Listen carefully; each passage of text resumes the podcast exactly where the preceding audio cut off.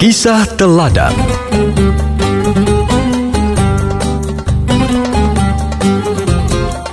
Kisah Teladan Kumpulan cerita tentang kemuliaan akhlak dan ketinggian budi pekerti.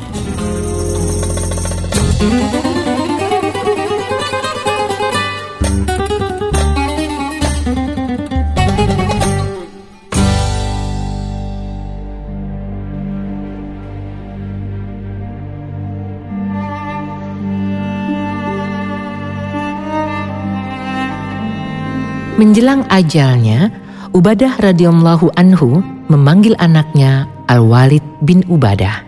Kepada anaknya, Ubadah mengingatkan bahwa seorang manusia belum merasakan beriman dan belum mencapai hakikat makrifat kepada Allah hingga ia beriman kepada takdir yang baik maupun yang buruk. Dengan penuh kebingungan, Al-Walid bertanya kepada ayahanda, bagaimanakah caranya membedakan takdir yang baik dan takdir buruk?